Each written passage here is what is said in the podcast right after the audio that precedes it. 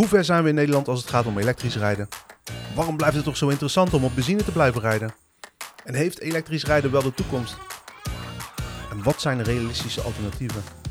Mijn naam is Martin Bloksma. Ik heb geen verstand van verkeerskunde, maar ik heb er wel dagelijks mee te maken. In deze podcast stel ik de vragen en helpen de adviseurs van Mobilivon mij aan een frisse blik op de weg. Dit keer met Rick Oppendijk en Sander Slagmolen. Beide verkeerskundig adviseur bij Mobile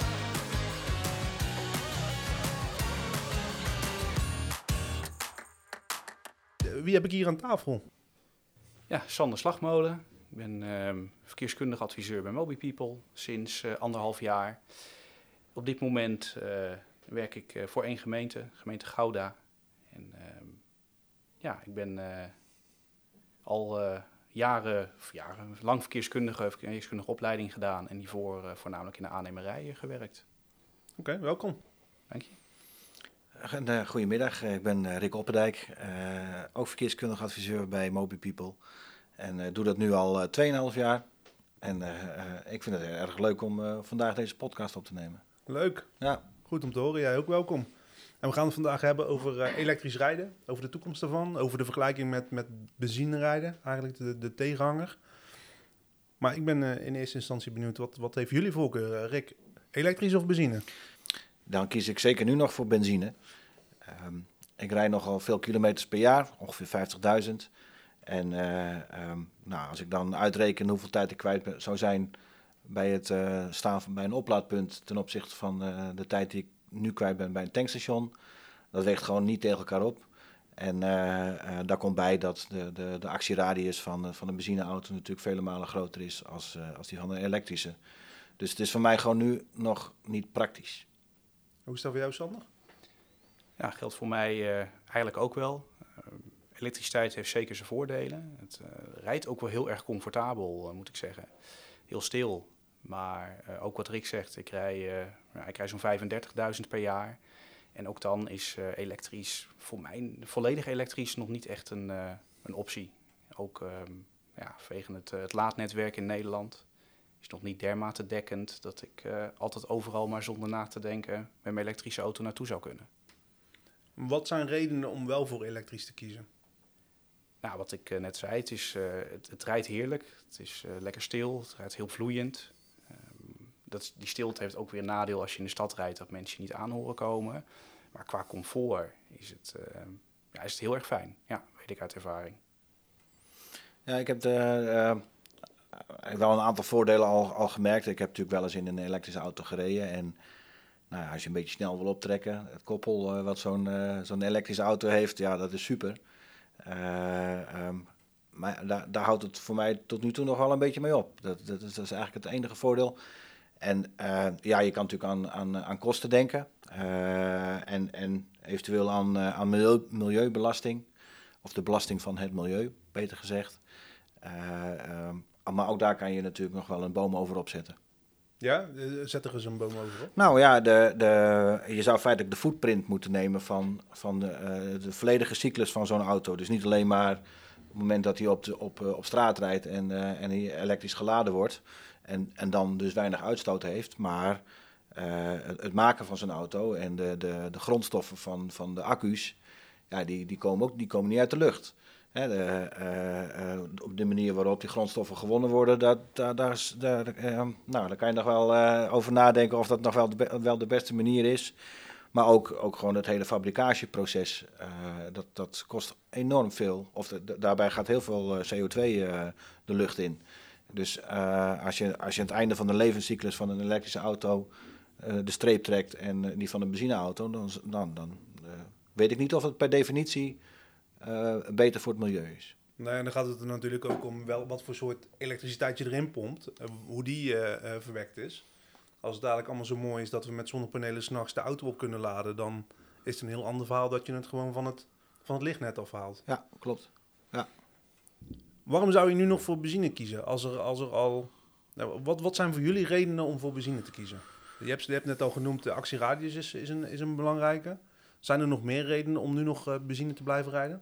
Ja, zeker wel. Eh, je hebt ehm, zeker op, het, eh, op de tweedehandsmarkt, in, Nederland eh, de meeste mensen die privé een auto rijden, deze tweedehands kopen.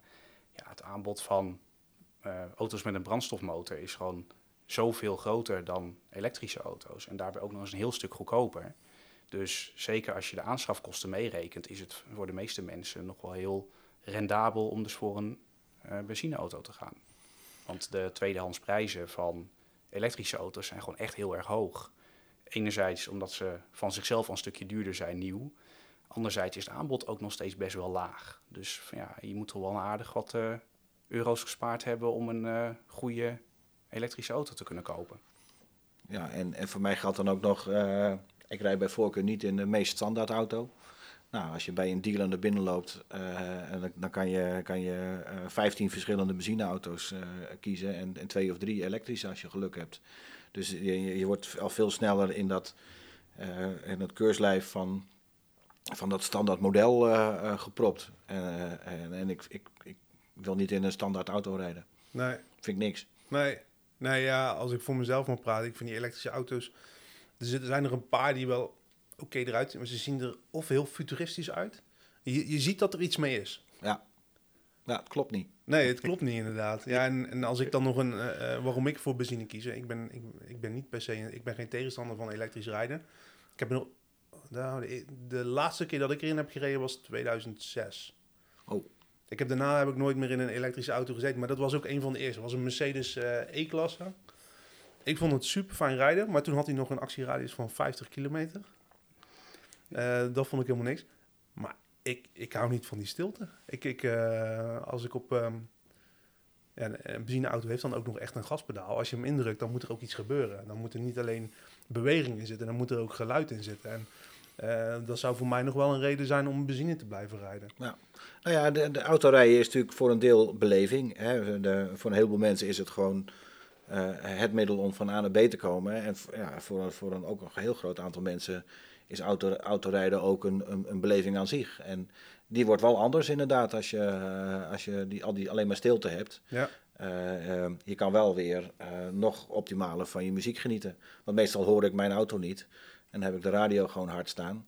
Dus ja, dat in, bij een elektrische auto heb je dan nog net iets minder bijgeluid. Ja, zeker waar.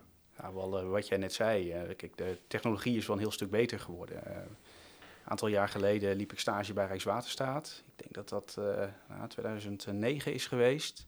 En toen hadden ze daar ook een, een elektrische poolauto. Hadden ze daar. Was, uh, werd, met groot nieuws werd die ontvangen. Ik geloof dat dat een, een, een Peugeotje was. Iets van, van een Ion of zo. Een heel, heel klein koekblikje eigenlijk. En die had op papier een actieradius van om en nabij de 100 kilometer. Nou, ik, ik heb er wel eens in gereden. En op de snelweg, dat, dat trilde en dat schudde. En dat, dat maakte een hele hoop herrie. En um, waar die eigenlijk voor bedoeld was om mee naar onze andere vestiging op en neer te rijden, dat haalde die niet eens op één accu. Nee. Dus, als je, dus het was ook helemaal niet populair om mee te nemen om die reden. En ja, je merkt dat die technologie wel, wel een heel stuk beter is geworden. Kijk, als je, ondanks dat ik zelf nog steeds een grotere voorstander van benzine ben, uh, zou ik echt zeggen, probeer eens een nieuwere elektrische auto uit. Want het verschil met, uh, met een aantal jaar geleden is wel echt heel erg groot. Ja, want je had het net al heel even over, Rick. Uh, over um, de belasting op milieu. Ja. Uh, elektrisch versus uh, benzine. Gaat er dadelijk wel een moment komen dat elektrisch rijden beter is voor het milieu? Of minder slecht is voor het milieu, laat ik het dan zo zeggen. Um, ja, dat, dat, vind ik moeilijk om, om te beantwoorden. Ik, ik, ik, vraag me het echt af, want ik, ik geloof niet dat de productieprocessen al heel anders worden. Uh, um, ik denk wel dat de manier waarop elektriciteit opgewekt wordt steeds, uh, steeds meer uh, op een duurzame manier ga gaat. Dus, dus het daadwerkelijk het verbranden van je kilowatts, om zo maar te zeggen, dat, dat wordt steeds milieuvriendelijker. Maar volgens mij, eigenlijk wat ik net al zei, de, de meeste winst is volgens mij te halen in, in het optimaliseren van het productieproces.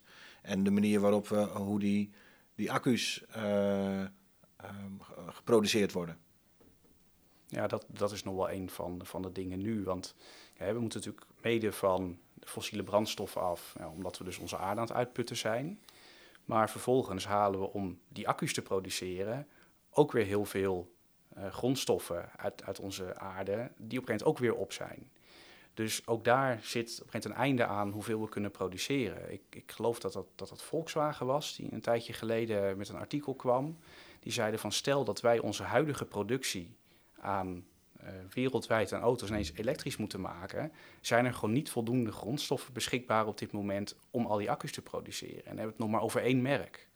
Dus de vraag is inderdaad of dat kantelpunt er ooit gaat komen, dat het echt op de hele schaal van, van, niet, van, hè, van produceren van een auto totdat die weer weggaat, of, dat, ja, of we dat ooit gaan halen, of dat ooit echt beter zal zijn.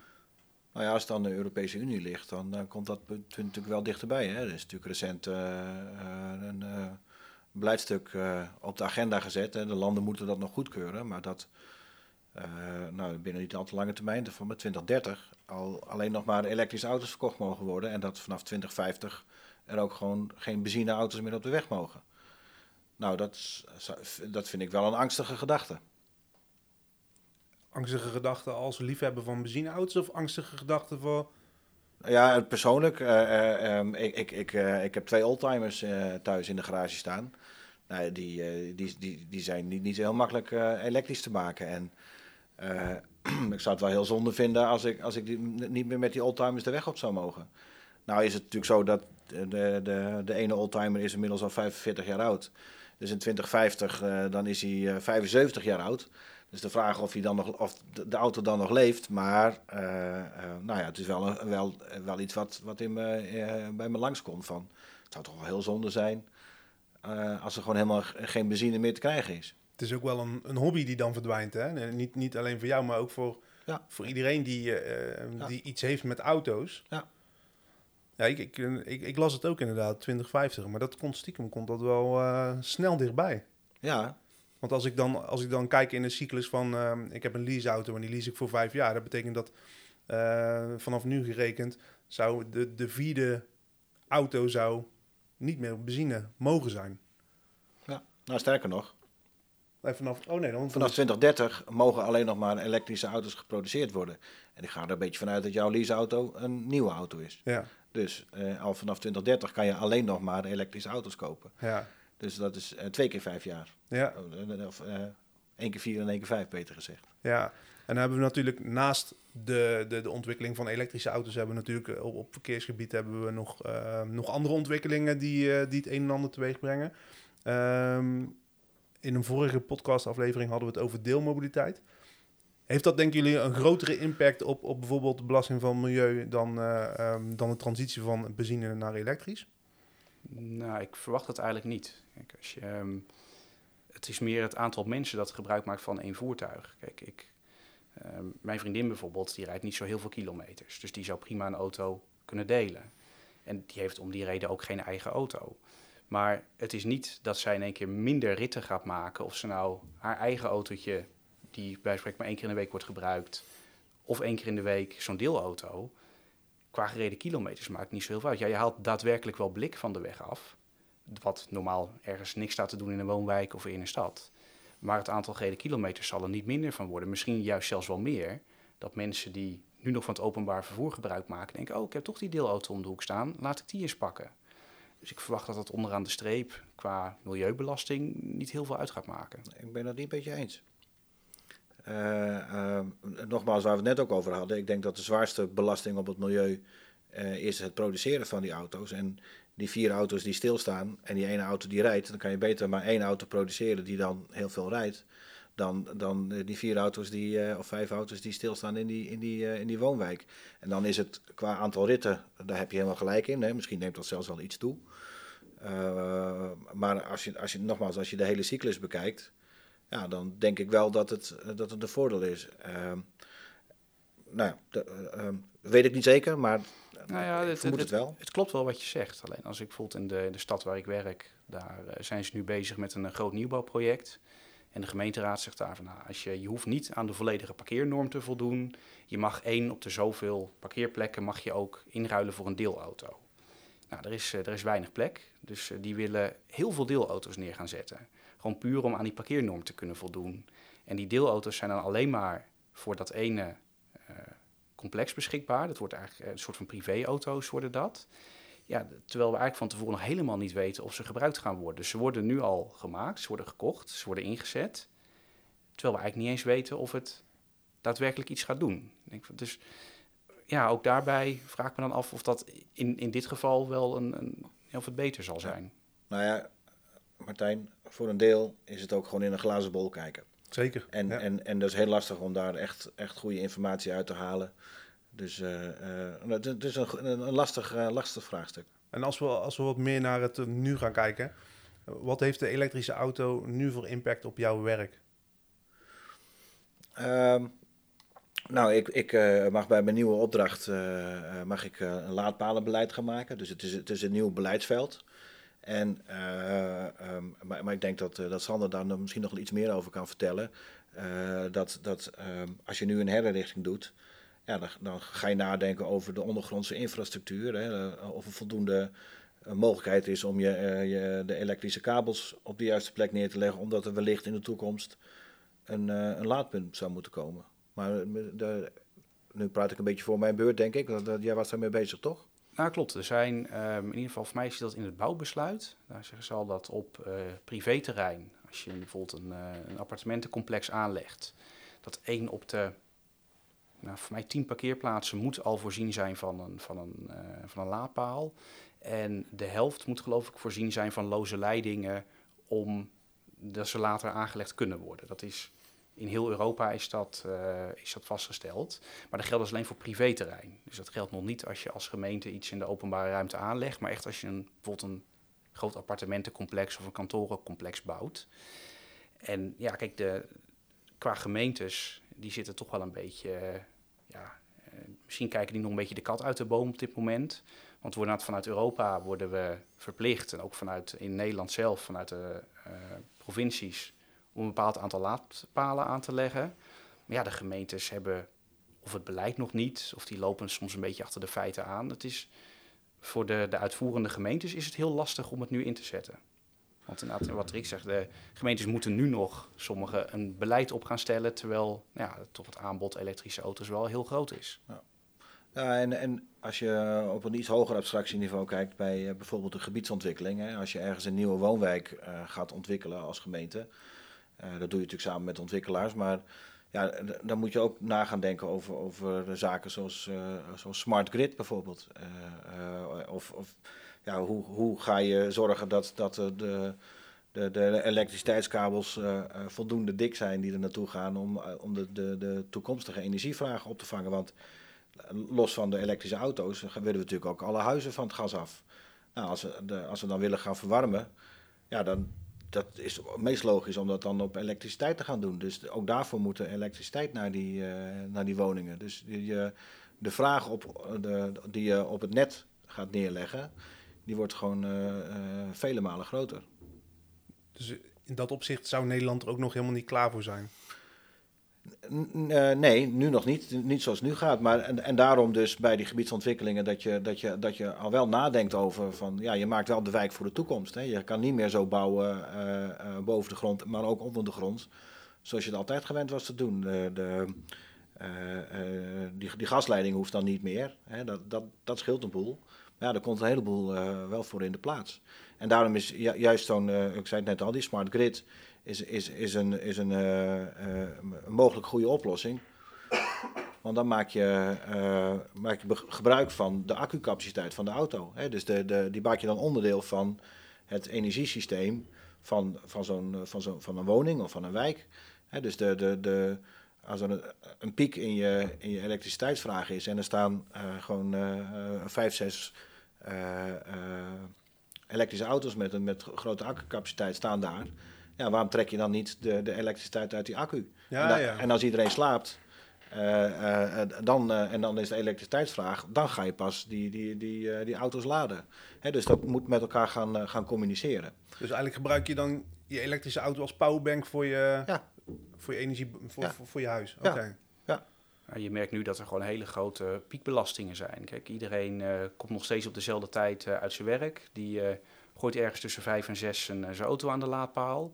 Lo- lopen vervolgens naar huis, beginnen daar te koken. Zetten de kachel lekker aan in de winter. Nou, eh, zeker de donkere dagen, dan komt er al geen stroom meer van je zonnepanelen af. Ja, dan krijg je een gigantische vraag aan elektriciteit in één keer. Die ja, op dit moment met de huidige elektrische auto's die we hebben nog wel op te vangen is. Maar ja, hoe meer inderdaad wat Rick zegt, huizen er van het gas afgaan, hoe meer elektrische auto's te komen, hoe groter dat probleem gaat worden. Daar zijn we echt nog niet op voorbereid infrastructureel gezien. En, en als dat al het, het inzicht is, dat we daar met Nederland nog niet klaar voor zijn, waarom zijn gemeentes dan nog huiverig in het, in het nemen van dat soort beslissingen? Nou, je merkt dat gemeenten misschien ook gewoon de kennis nog niet hebben. Kijk, het gaat op dit moment gewoon verschrikkelijk snel. Er worden uh, gemeentes worden regels opgelegd vanuit, nou, vanuit Europa, vanuit de landelijke overheid. En eigenlijk met de tekst van, nou, jongens, succes, uh, voer het maar uit. Maar ja, er, moet eerst, er is nog helemaal geen ervaring opgedaan. Uh, we kunnen niet naar andere landen kijken van, goh, die, die doen dit al 10, 20 jaar, want zo snel gaat het nog niet. En het is nu in zo'n stroomversnelling gekomen, ja, dat eigenlijk iedere uitvoerende overheid, dus, dus de gemeente, ja, gewoon misschien niet eens weet waar ze moeten beginnen. En ik, uh, ik, ik merk dat ook. Ik heb bij mijn vorige gemeente ook laadpaal-aanvragen gedaan. En op dit moment wordt er nog heel erg vraag gestuurd, worden er bijvoorbeeld laadpalen aangelegd. Dus iemand koopt een elektrische auto, belt de gemeente van... hey, ik heb een elektrische auto, kan ik een laadpaal krijgen? Oh ja hoor, zegt de gemeente, dat kan. En tenzij er al eentje binnen, sommige gemeentes 150 meter, sommige 300 meter staan... Dus het wordt nu heel erg vraag gestuurd, wordt er gehandeld. Terwijl je eigenlijk vanuit de overheid het wil, zou moeten willen gaan sturen. Maar die kennis is er gewoon nog niet. Of in ieder geval onvoldoende voor dit moment.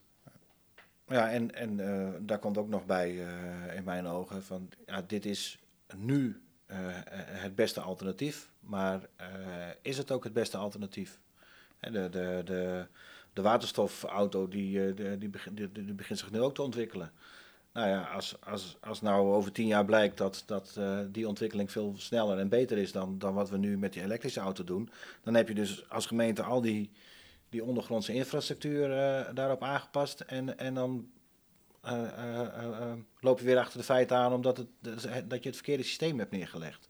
Dus ja, dat, dat maakt het best lastig om daar een, een, een, een goede beslissing in te nemen. Want als je kijkt naar de, uh, naar de mogelijkheden van laden in Nederland en, en ook naar, uh, wat is het, Fastnet of zoiets, ja. bij, bij de benzinestations, dan lijkt het alsof er een keus gemaakt is. Ja. Ja. Maar dat wil volgens jou niet zeggen dat, dat, die, keus, dat die keus al gemaakt is. Nee, maar, maar ik weet niet of jij recent met, met uh, nee, niet met een elektrische auto, want dat was al een tijd geleden, vertelde je net. Geleden, ja. Maar, maar ga, ga naar Duitsland, ga naar Frankrijk en, en zoals zo'n zo'n netwerk als wat wij hier hebben met Fastnet, ja, dat, dat hebben ze daar niet. Hè, daar moet je echt zoeken om, om, de, om de laadpaal. En dus Europees gezien lijkt die keuze nog niet gemaakt. op lokaal niveau of, of, of, nationaal niveau ja, lijkt die keuze wel gemaakt. Maar ja, nogmaals, is het de juiste keuze? Ja, en dan wordt er vanuit Europa wordt er opgelegd... in 2050 mogen er geen benzineauto's meer op de weg. Ja. Alleen het alternatief is daarin eigenlijk nog niet bepaald. Nou ja, ze, ze denken dat, dat het toch wel die, die elektrische auto is. Maar nou ja, de, de, uh, dat is soms wel het verschil tussen uh, de overheid die, die wil bepalen en, en de markt die, uh, die het uiteindelijk moet gaan doen. Ja. dat, gaat, dat loopt niet altijd synchroon.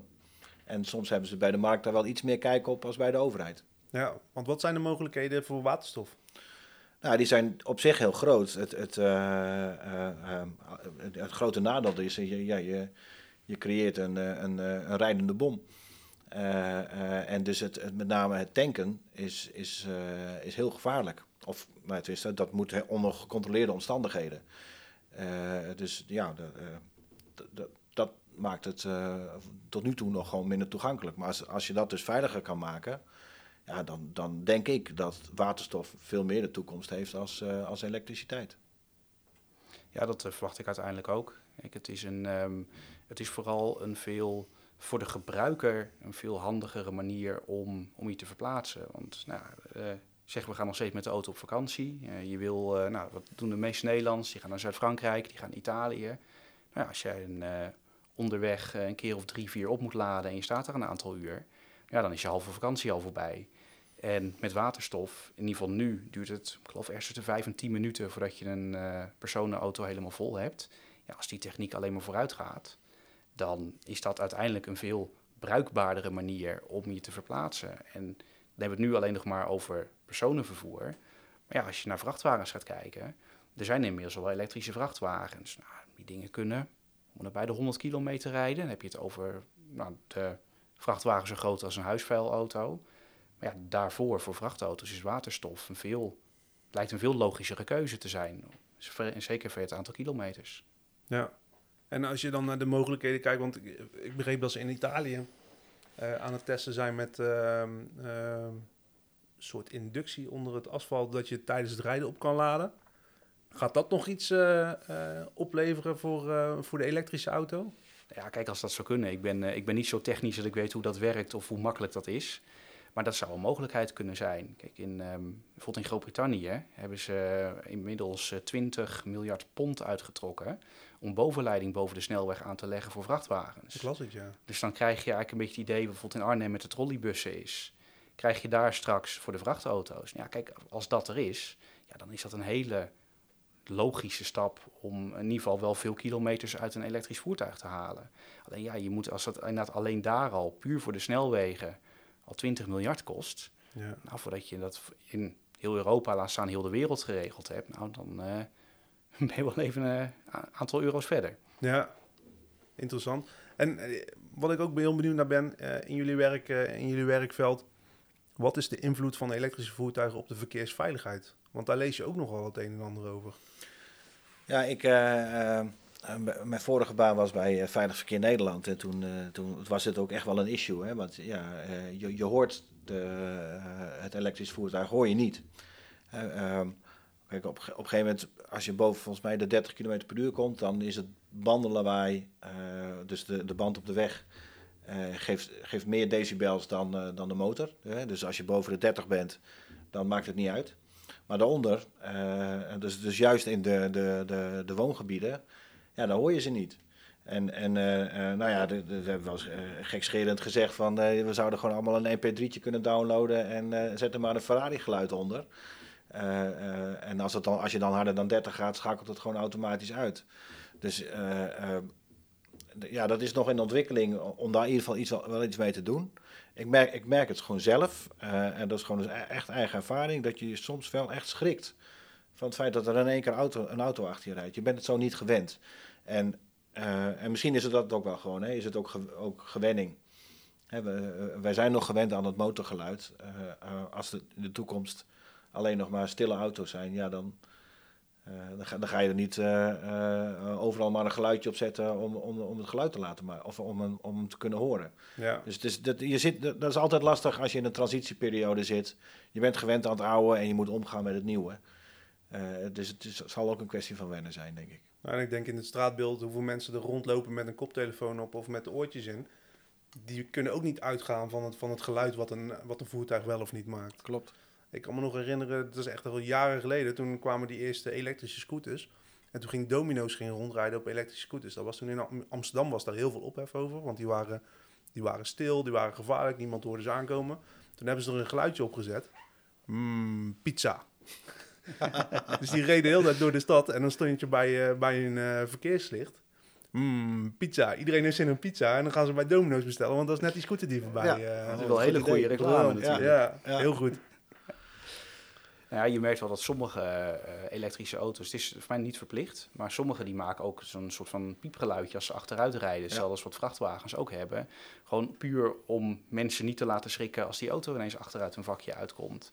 Maar het is eh, zeker eh, nog wel een, wel een aandachtspunt. Zeker ook nu we landelijk gezien dat 30 de nieuwe standaard wordt binnen de bouwde kom. En dat juist die snelheid is waaronder je zo'n voertuig eigenlijk helemaal niet hoort. Ja, het is nog wel iets waar goed aandacht aan besteed moet worden. Ja. Ik heb nog een laatste dingetje wat ik, wat ik steeds vaker ook in de krant voorbij zie komen. En waar jullie eh, waarschijnlijk ook wel eens mee te maken hebben. Ehm, mijn buurman die, eh, die koopt een eh, elektrische auto. Vindt hij een goed idee. Gaat vervolgens bij de gemeente een laadpaal aanvragen. En die laadpaal die wordt... Eigenlijk wordt dat zijn parkeerplek. Hoe gaan jullie daarmee om in, in, in de praktijk? En wat, wat, zijn, wat hoor je dan in, in het werk? Nou, je hoort inderdaad eh, bij dat soort, eh laat zeggen, je hoort, eh, veel mensen vinden hier inderdaad wat van. Ehm, mensen die zo'n paal aanvragen en er wordt goedgekeurd, die zien het ook eigenlijk een beetje als hun privéparkeerplek. Ik, ik heb wel eens klachten van inwoners gehad die zeggen, ja, er staan andere auto's bij mijn laadpaal. Oh, bij uw laadpaal? Staat die op uw eigen terrein dan? Nee, die heb ik via jullie aangevraagd. Ja, maar dat is een openbare paal, die is niet alleen voor u. En mensen vinden dat heel raar. Anderzijds, de buren, die zeggen, ja, ik kan ineens motor niet meer parkeren omdat mijn buurman een privé parkeerplaats heeft.